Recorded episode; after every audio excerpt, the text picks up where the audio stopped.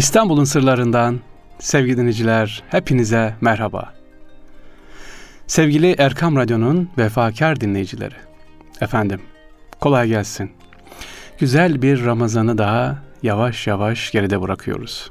Rabbim inşallah tekrarını hepimize nasip etsin. Huzur ve sıhhat afiyet içerisinde.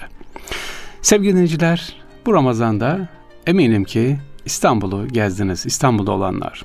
İstanbul dışından da gelenler oldu görüyorum. Özellikle Hırkaya Şerif Camii'ni ziyarete geldiler. İstanbul camilerini ziyarete geldiler. Civar illerden, Konya'dan, Adana'dan otobüsler geldi görüyorum. Fatih'te böyle. Ee, çok mutlu olduk. Teşekkür ederiz. Sizleri inşallah misafir edebilmişizdir. Ee, yerel yönetimler, ilgili belediyeler, efendim İstanbul halkı kusurlarımızı hoş görün diyoruz. İstanbul dışından gelen sevgili kardeşlerimiz. Evet, bugün İstanbul'un bilinmeyenlerini anlatmaya devam ediyoruz efendim. Bendenizde adım adım geziyoruz. Ramazan'a da devam ettik, geziyoruz inşallah. Şimdi sevgili dinleyiciler, İstanbul'da bir Şeyhülislam var efendim. Ayaklanmayı önleyen Şeyhülislam. O dönemde hatırlayın Osmanlı tarihinde hani patronalil isyanları vardı, kabakçılar isyanları vardı. Böyle zaman zaman isyanlar çıkıyor. Huzursuzluklar çıkıyor. Ama bir Şeyhülislam var ki topu topu bir sene görevde kalıyor. Bu bir sene içerisinde yaptığı en önemli görev, vazife isyanı önlemek. Yani büyük bir karışıklığı belki yüzlerce, binlerce kişinin ölmesini ne yapıyor? Engelliyor. İşte kimmiş bu Şeyhülislam? Onun mezarına gittik, bulduk, efendim ziyaret ettik ve şimdi inşallah sizlere aktaracağım. İstanbul'da ayaklanmayı önleyen o Şeyhülislam, feraset sahibi olan kimmiş? Hadi bakalım. İstanbul'un sırlarındayız. Ben Deniz Fahri Sarrafoğlu. Başlıyoruz efendim.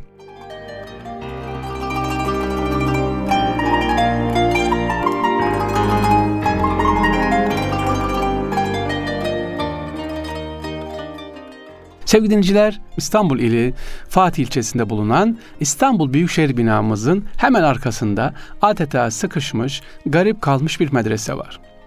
Bunun adına Ankaravi Medresesi derler. Ankaravi. Evet Ankaralıların kulağı çınlasın. Geldiğince lütfen hemşerinizi ziyaret edin. Yaptıran kişi Şeyhülislam Mehmet Emin Efendi. Bu medresede yıllarca eğitim verilmiş, öğrenci yetiştirilmiş. Şimdi ise Türk Dünyası Araştırmaları Vakfı'nın genel merkezi olarak kullanılıyor. Vakıf burada 40 yıldır hizmet veriyor. Bizim hikayemiz ise Şeyhülislam Mehmet Efendi ile ilgili.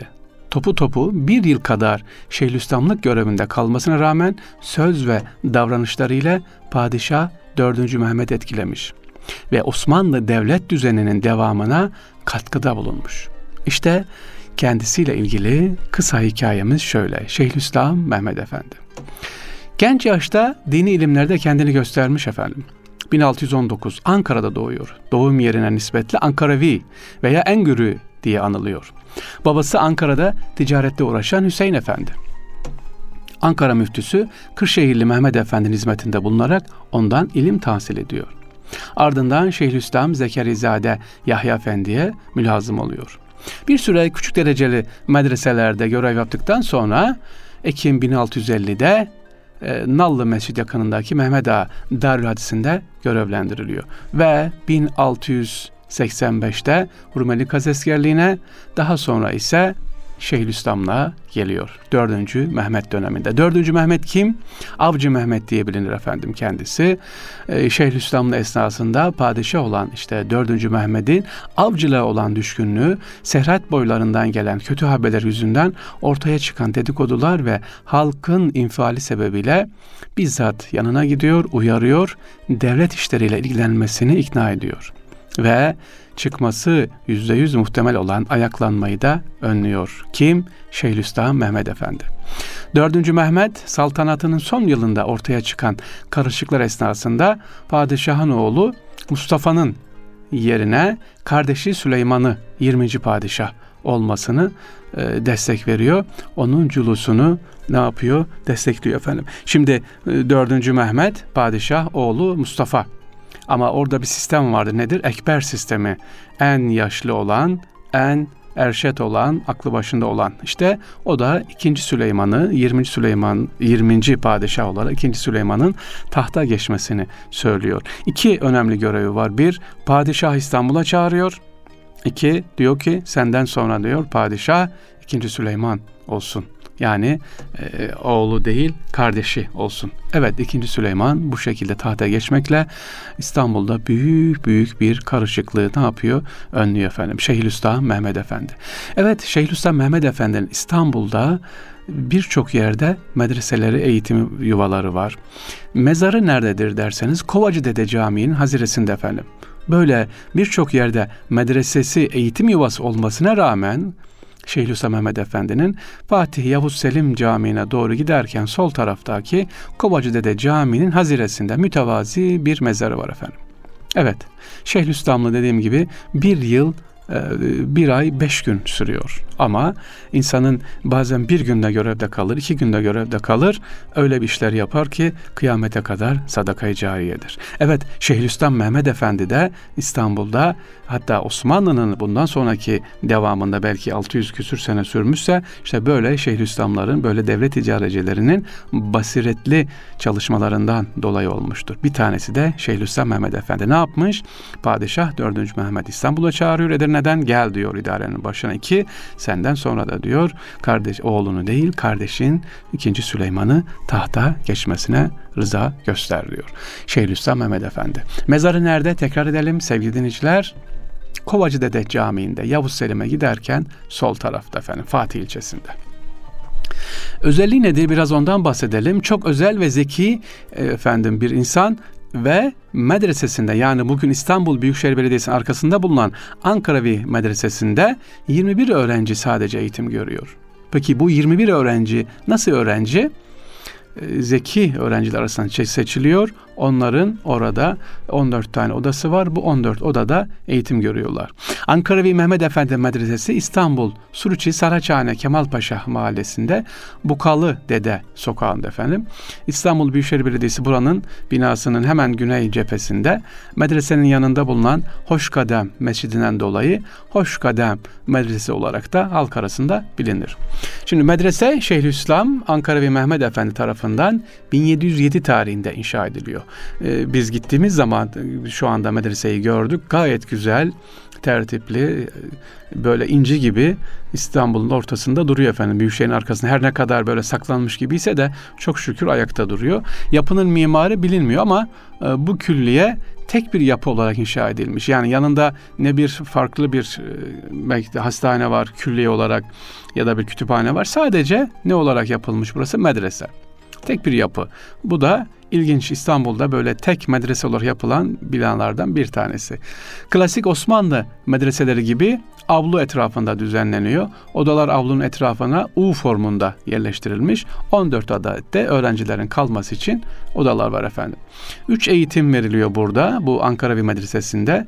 1792 yılında dediğim gibi 21 öğrenci bulunuyor. 1869 yılında ise 27 öğrenciye çıkartılmış. Aa, buranın özelliği ne? Burada ne eğitim veriyor derseniz e, Şeyhülislam Mehmet Efendi ya da Ankaravi Hazretleri tefsir alimlerinden olduğu için burada tefsil usul furu ve özellikle bu tefsir kaynaklarında çalışmalarında mütehassıs bir özel e, fakülte olarak ne yapalım e, biliniyor burası. E, kendisinin başka Ankara'da bir camisi var. Şeyhülislam Mehmet Efendi'nin dershanesi var. 24 çeşme, bir hamam ve bir kervansarayla bir mahalle mektebi yaptırmış Şeyhülislam Mehmet Efendi.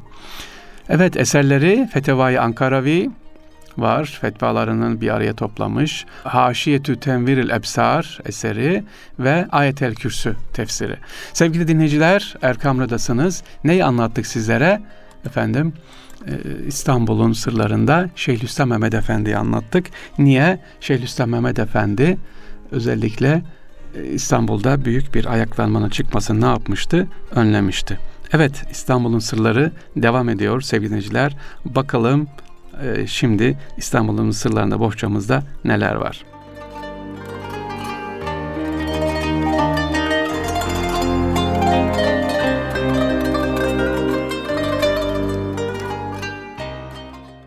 Sevgili dinleyiciler, bazı kelimeler var. Günlük kullanıyoruz ama bunun manalarını bilmiyoruz. İşte İstanbul'un sırlarında şimdi de böyle bir hani geziyoruz ya, gezerken bazı kelimeler var. Bunların acaba ne manaya geldiğini bir hatırlatalım dedik efendim. Zaman zaman size yapıyoruz. Manaları ne kadar biliyoruz diye. İşte bunlardan bir tanesi alarm kelimesi var. Alarm verdi, alarm veriyor deriz ya. İşte ekonomimizde alarm alarm çilleri çalıyor bir sıkıntı var. Peki alarm ne demekmiş? Niye alarm deniyor? Efendim alarm İtalyanca alle arme sözcüğünden askeri bir ikaz. Silah başına demek. Ya alarm bugün alarm alarm alarm diyoruz ya ne demekmiş alarm alarm? Silah başına silah başına. Ama biz nasıl anlıyoruz? Dikkat, şşt manasına. İtalyanca alle arme sözcüğünden dilimize gelmiş silah başına demek. İstanbul'un sırlarında böyle kelimeleri de efendim hatırlayalım günlük kullandığımızda ve farkına varalım. Niye alarm diyoruz? Silah başına silah başına demekmiş İtalyanca. Peki cep, cep telefonu diyoruz ya cebimiz diyoruz. Cebimizdeki cüzdan, cüzdanı cebe koy. Cep ne demekmiş? Cep Farsça'da sol demek. Rast ise sağ. Cep rast birleşerek ne olmuş? Çapraz. Çapraz diyorsunuz ya, çapraz yaz, çapraz işaretle çapraz çek. Demek ki çaprazın geldiği yer neresi? Farsçada cep sol demek. Rast ise sağ, cep rast birleşerek çapraz olmuş. İlginç değil mi sevgili dinleyiciler? Alarmı öğrendik, cep kelimesini öğrendik, çaprazın nereden geldiğini öğrendik. Şimdi bir de takdir etmek var. Takdire bakalım. Takdir. Arapça damla anlamındaki katre kökünden takdir damlatmak demek. Takdir Arapça damla anlamındaki katre kökünden geliyor. Takdir aslında damlatmak. Peki takdir değile olan neyse takdir değer kıymet manasındaki kadir kökünden takdir etmek, beğenmek, kıymet biçmek. İki kelimeye dikkat edelim. Biri ne ile bitiyor? T ile takdir, diğeri dat dediğimiz takdir. Birincisi takdir, damla, kadre takdir dat ile biten ise değer kıymet manasındaki kadir kökünden geliyor efendim. Yine sevap ve savap iki farklı kelime. Hani sevap diyoruz ya bu sevaptır bu işi yap. Sevap kazanırsın. Bir de savap var. İki farklı kelime. Sevap ecir, mükafat. Sevap kazanmaktaki. E, savap ise doğru demek. Hani çoğu kişinin hatasıyla sevabıyla diyoruz ya aslında onu hatasıyla savabıyla yani doğrusuyla yanlışıyladır. Burayı anladık mı? Bir insana diyoruz ki işte Fahri Sarrafoğlu hatasıyla savabıyla deniyor. Sevabıyla deniyor ama aslında hatasıyla sevabıyla. Ne demek? Manası ne demekmiş? Doğrusuyla yanlışıyla demek. Evet. Doğrusuyla yanlışıyla. Savap doğru demek. Hata da yanlış demekmiş. Savap V harfiyle. Öbürü sevap. Sevap ne demek? Ecir, kıymet demek sevgili dinleyiciler. Birine sevabıyla, e, hatasıyla, sevabıyla dediğimiz zaman hata, e, yanlışıyla, doğrusuyla demek istiyoruz. Peki ayol diyoruz. Hani ayol kullanılıyor ya hanımlar kullanıyor. Ayol. Bu aslında e, nereden geliyor biliyor musunuz sevgili dinleyiciler? Ayol hitabı. Ya aslında çok eski bir kelimeymiş bu ayol. Biz de zannediyoruz ki böyle efendim sadece Beyoğlu'nda kullanılır. Sadece hanımların kullandıkları bir kelime. Ayol. Asıl manası şuymuş ayol. Ay oğuldan bozma. Ay oğul neye dönüşmüş? Ayola dönüşmüş. Ey oğul diyoruz ya, ey oğlum, ey oğul, ay oğul, ay oğlum. Hitap ederken ay oğlum. Ya. Ha, şimdi geldik e, bir hepimizin kaba bildiği bir kelimeye geldik birine lan ve ulan dediğimiz zaman ne diyoruz? Şşt kaba lan deme. Kaba hitap olarak lan ve ulan sözcükler aslında oğlan kelimesinden efendim bizzat kendisi oğlandan ulana ne yapmış? Argolaşmış. Lan dediği zaman oğlum demek, oğlan demek. Ya ya da ulan dediğimiz zaman oğlum demeye geliyormuş efendim. Eski Türkçemizde bunlar kullanılmış. Hele hele Orta Asya'da e, Türkçe'de bu çok güzel kullanılmış efendim. İstanbul'un sırlarındayız. Böyle ilginç kelimeleri sizin için seçtim. Kullanıyoruz ama gerçek manası ne olduğunu bilmiyorduk. Şimdi ona bakacağız sevgili dinleyiciler. Efendim hemşire aslında kız kardeş demek. Farsça beraber anlamındaki hem ve süt anlamındaki şir birleşimi yani hem şire aynı sütten emmiş iki kişi demek. Hem şire dediğiniz zaman manası kız kardeş diyoruz ama e, açılımı ne demekmiş? Farsça beraber anlamındaki hem ve süt anlamındaki şir birleşmiş. Hem şir aynı sütten emmiş iki kişi demekmiş efendim. Aynı sütten emmiş iki kişi. Kız kardeş. Başka kelimemiz var mı? Vart. Efendim tıp literatüründeki e, anlam var bize. Mesela hemşire diyoruz ya, hemşire hanım. İngilizce'deki nurse, süt kardeş olarak değil, süt anne şeklinde kurulur. Oradan bize gelmiş. E, mesela tatlı, hoş anlamındaki şirin kelimesiyle sütün bir bağlantısı var. Şirin, Farsça süt demek olan şir ve inekinin birleşmesinden ne yapıyor? E, meydana gelir. Süt gibi ve sütlü manalarına gelen şirin asıllar içerisinde tatlı, hoş anlamları da kazanmış. Yani şirin derken birine ay ne şirinsin diyoruz ya süt gibisin, süt gibi berrak manasını demek istiyoruz. Şirin. Biz şirini nasıl anlıyoruz? Aa civildek böyle yüzü gülen manasını anlıyoruz. Aslında şirin ne demekmiş? Birine çok şirinsin dediğimiz zaman süt gibi sütlü manasına e, söylemiyoruz, e, söylemiş oluyoruz efendim. Peki başka ne var? Bir e, köp kelimesi var. Köp kelimesinin eski Türkçe'de çoğalmak, kabarmak anlamı var. Buradan türeyen köpekte irilik, güçlülük ifade eder. Yani köpek kelimesinin kötü bir anlamı yok. Hani Saadettin Köpek var ya dizilerde çok duyuyorsunuz. Köpek köpek bir hakaret anlamı değil. Köp kelimesi eski Türkçe'de çoğalmak, kabarmak anlamına geliyor. Bereketli manasına geliyor. Köpek de irilik, güçlülük ifade ediyor. Ek, eki birleşmesiyle köpek. E, efendim bir son kelimemiz daha var. Bu çok ilginç. Bunu sona sakladım. Kullanıyoruz ama aslında gerçek manasının ne olduğunu pek bilmiyoruz. İşte o kelimemiz sevgili dinleyiciler. Bedava. Bedava için iki makul görüş var efendim. Biri badı heva yani havadaki rüzgar gibi bedelsiz. Badı heva bedava ne demekmiş? Badı heva havadaki rüzgar gibi bedelsiz. Bir de bat aver var.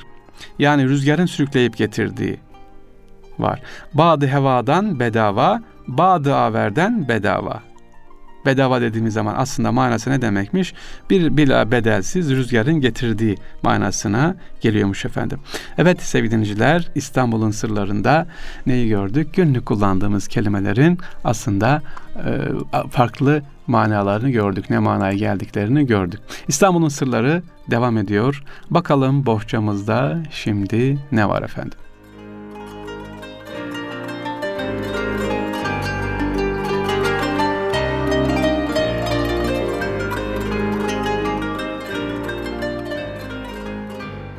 Sevgili dinleyiciler, İstanbul'un sırlarında şimdi size nereye götürüyorum efendim? Böyle Fatih'ten geziyoruz. Şehzade başının karşısında bir mezarlık var, hazire var. Oraları gezerken e, bir sokak ismi görüyoruz efendim. Sokak. E, sokağın adı Bukalı Dede Sokağı. Allah Allah. Nasıl kim, kimmiş bu diye araştırdık. Bukalı Dede. Yani buka ne demek? Zincirli Dede adı veriliyor buraya. Zincirli Dede Sokağı. Araştırdığımız zaman çok ilginç bir bilgi rastladık efendim. Aa, devamlı önünden geçiyoruz ama Bukalı Dede aslında kimmiş onu keşfettik. Evet 2018 yılındayız. Dediğim gibi bendeniz 1976'dan beri gezerim ama Bukalı Dede'nin aslında İsa Aleyhisselam'ın havarisi olduğunu bilmiyordum. Ya öyle bir azizmiş, saatmiş efendim. İstanbul'da özellikle ilk patrikhaneyi kuran kendisi İsa Aleyhisselam'ın e, yakınlarından, sevenlerinden, havarilerinden Aziz Andreas. Evet onun mezarı. İyi de niye öyle demişiz? Nasıl dede olmuş? Nasıl Müslüman olmuş? Bakalım hikayemize bakalım. İstanbul'da Eyüp Sultan'dan sonra nasıl Resulullah Efendimizin mihmandarı, sahabesi e, Eyüp Sultan Hazretleri varsa İstanbul'da İsa Aleyhisselam'ın da bir sahabesi var. Şimdi onu anlatacağız efendim. İstanbul semti öyle bir güzel belli ki manevi erenlerin çokluğu şehre ayrı bir bereket ve huzur katıyor.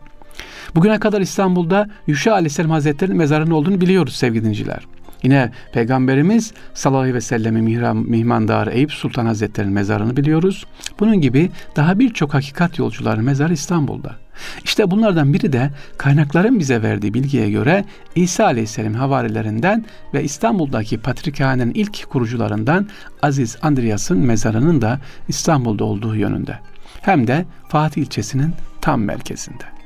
Nasıl mı? Nasıl bulduk? Nasıl keşfettik? Aslında keşfetmedik zaten var da ben yeni keşfettim. Yeni farkına vardım. Yeni gördüm.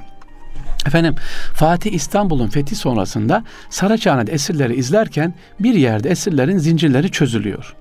Allah Allah. Böyle ellerinden zincir adeta düşüyor. Bu bölgede manevi bir farklılık olacağı düşünerek bu bölge kazılıyor.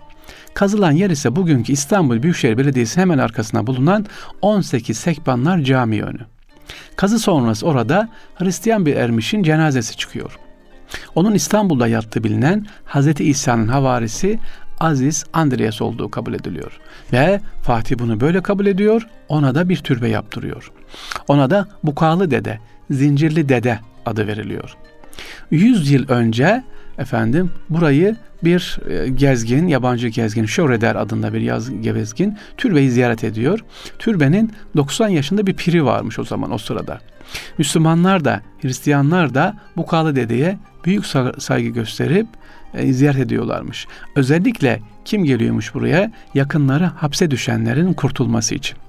Ya Allah tüm e, efendim mahkumları kolaylıklar nasip etsin inşallah. Tez zamanda özürlüklerini lütfetsin.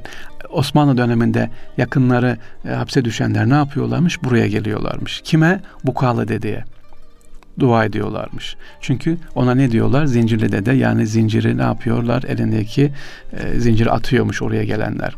Peki ne olmuş sonra efendim Bukalı dede? E, türbe kalkıyor ama cami duruyor günümüzde.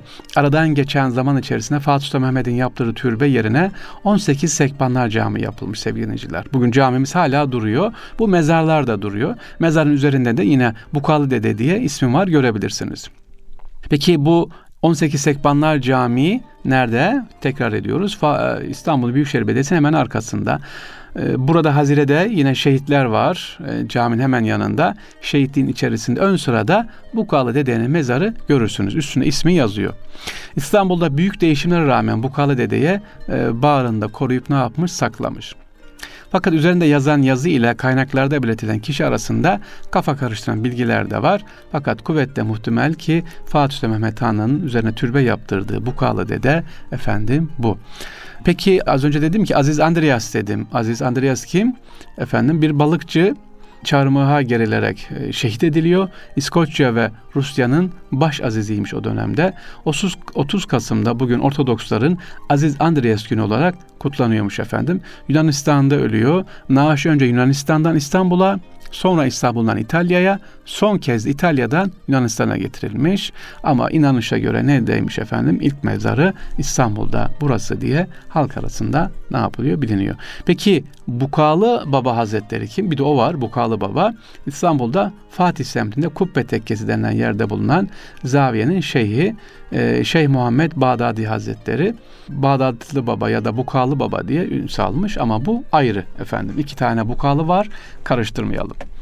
Sevgili dinleyiciler İstanbul'un sırlarında sizlerle birlikte olduk. Güzel kelimelerin manasını öğrendik. İstanbul'da iki yere gezdik. Bukala Dede İsa Aleyhisselam'ın havarisi diye biliniyor. Onu gördük. Sonra İstanbul'da bir ayaklanmayı engelleyen Şeyh, e, Şeyhülislam Mehmet Efendi e, ve Ankaravi Hazretlerini sizlere anlattık efendim. İstanbul'un sırları güzel, gezin. İşte bu saklı hikayeler hep beraber öğrenelim efendim. Peki bayramda ne yapalım? İstanbul'da bulunan eş dost ziyareti yaptınız. Efendim vaktiniz olur. İstanbul trafiği artık müsait.